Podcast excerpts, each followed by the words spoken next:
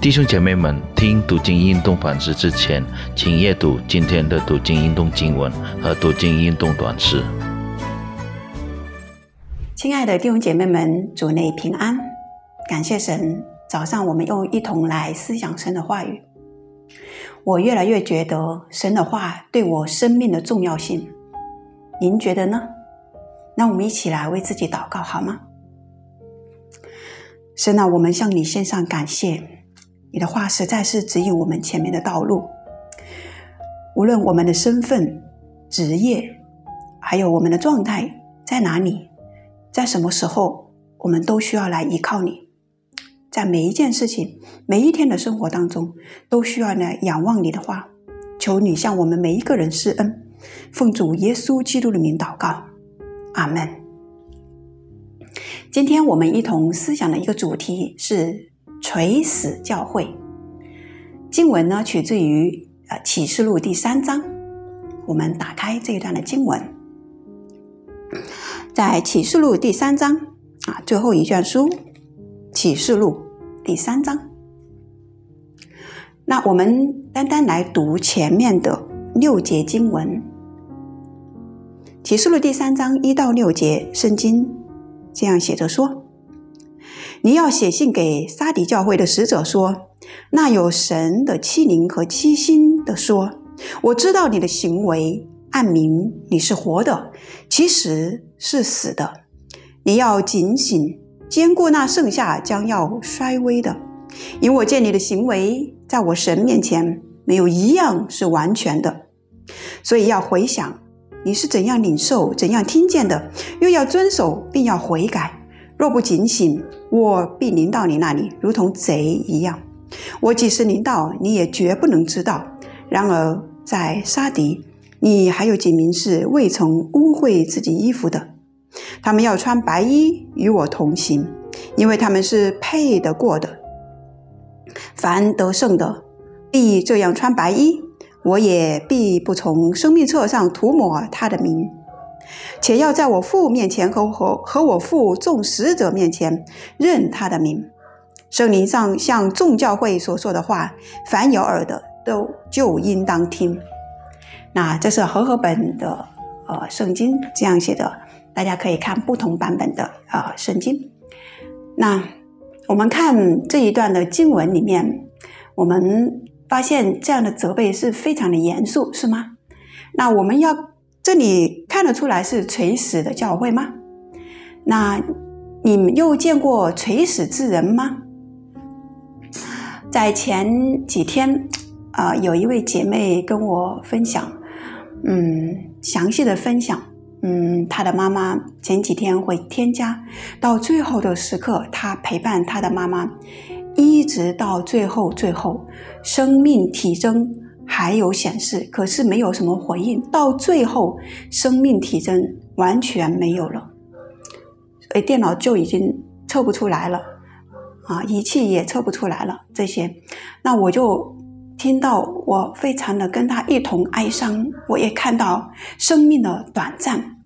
那今天我们是关于垂死教会，讲到死，我们是不是听起来觉得很忌讳呢？不愿意听呢，觉得啊，不要听这一类的，离我们越远越好呢。那死是我们每一个人都面临的，是很真实的。那垂死之人，啊，我想我们或多或少面临啊经历，或者是见过，或者听过。那垂死教会呢？您有听过吗？哇！如果我们来看详细看这一段的经文，我们会发现垂死教会到底是怎么样的情形呢？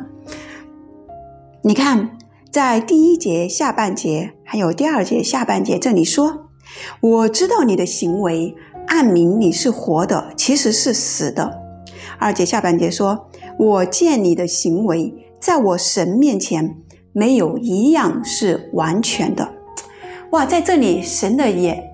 可以看到神的责备非常的严厉。事实上，在启示录的这七间教会当中，对沙里教会的责备是最严厉的。你看，你按明是活的，可是却是死的。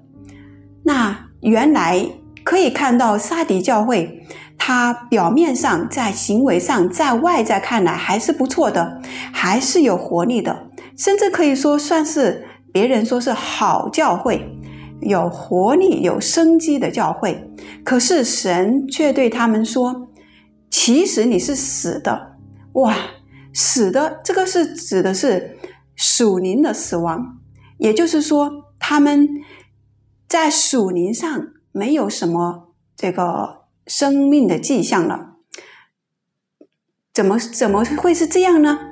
那说他们的行为就是看到原来他们他们似乎是好的教会，然后人数啊，还有这个名声啊，还有他们所做的呀，这些似乎是不错的，但是他们里面充满了罪恶啊，对神的。这个啊，悖逆，甚至是道德的呃污秽。那沙迪教会是一个所处的是一个怎么样的环境呢？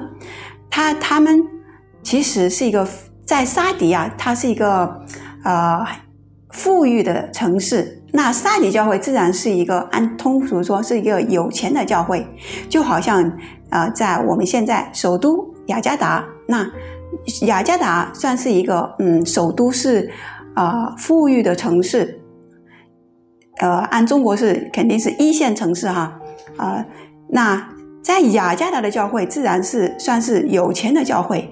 那在这里，沙迪教会也是类似，他所处的环境，那沙迪教会也没有面临着什么压力呀，呃，也没有什么逼迫，呃，没有什么挣扎艰难，没有，就是环境上。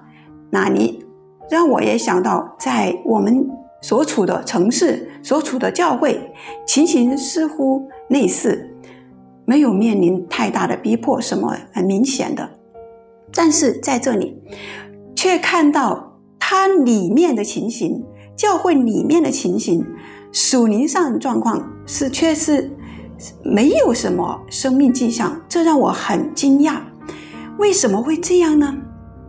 然后也让我非常的觉得很警醒，就是我自己怎么样呢？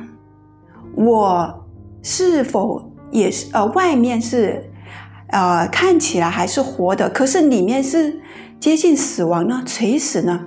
我所处的教会，我身边的肢体弟兄姐妹们怎么样呢？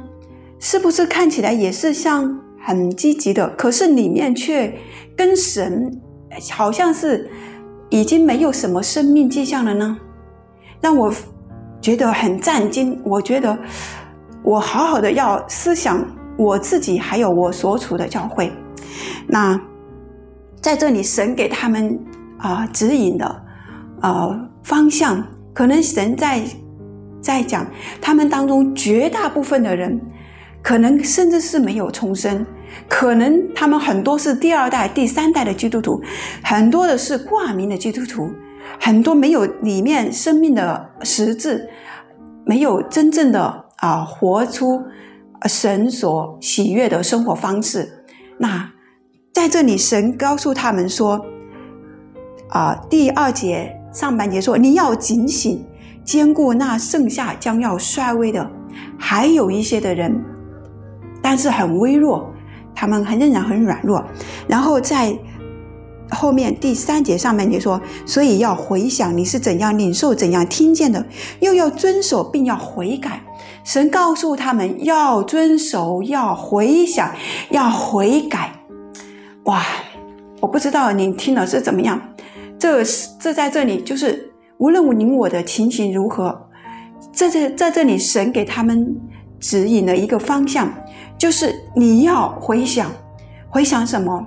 对我个人来说，就是要回想神起初怎么样呼召我、拣选我，神怎么样来引领我，爱他、遵守他的话，诚实的活在大的面前。如果有一天我慢慢的偏离，我要回想，继续走到这一条正路上，继续跟神有恢复好的关系。那要回想，要悔改。愿神来引领，萨底教会快要死了，外面已经遮盖了它里面，他们蒙蔽了他们的眼，他们看不到。但是神很严厉的指责他们里面快要死了，只有几名非常微弱的、软弱的基督徒要兼顾他们，而且你们要悔改，你们要警醒，你们要回转，你们要改变，彻底的改变。愿神来带领我们每一个人，在神的面前也去回想我们自己的生命状况，我们也。为着我们的教会来祷告，因为萨底教会是这样的光景。今天我们所处的教会的情形，跟萨底教会的情形，我看有很多是类似。我们看我们很多也没有意识到，我们里面跟神的关光景关系到底如何。我们为着我们自己，为着我们的教会来祷告，好吗？神啊，我们向你献上仰望。谢谢你借着萨利教会再次来对我们每一个人说话，求主你来光照我们的心，让我们每一个人。让我们时刻行在你的正路当中。如果我们偏离，如果我们慢慢的跟你远离，甚至是不知道自己的情形，求你光照我们，圣灵来感动我们，让我们回转在你的面前，让我们悔改过逃离邪恶的生活。你自己兼顾我们的教会，光照我们教会里面每一个弟兄姐妹们。主啊，求主你向我们施恩，让我们属灵生命真正的复兴，让我们真正的被你得着，一生愿意来。行在你的正路当当中，讨主你的喜悦。谢谢你听我们的祷告，奉主耶稣基督的名，阿门。愿神赐福每一位。